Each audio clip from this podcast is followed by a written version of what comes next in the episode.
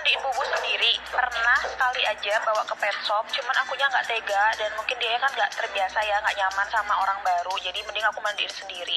Jadi pertama-tama dia diusap-usap dulu baru kemudian diguyur. Udah bulunya basah baru dia disampuin. Sejauh ini ini aku udah tiga kali ganti sampo dan ini sampo yang paling enak aku pakai.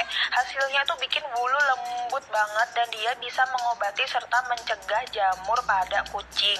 Jadi dulu kan bubu sempat jamuran tuh apalagi yang bagian ekor tuh parah banget. Nah jadi untuk ekor aku ada treatmentnya khusus. Jadi tuh uh, dibasahin terus kita sabun baru disikat-sikat pakai sikatnya yang soft ini ya sensitif.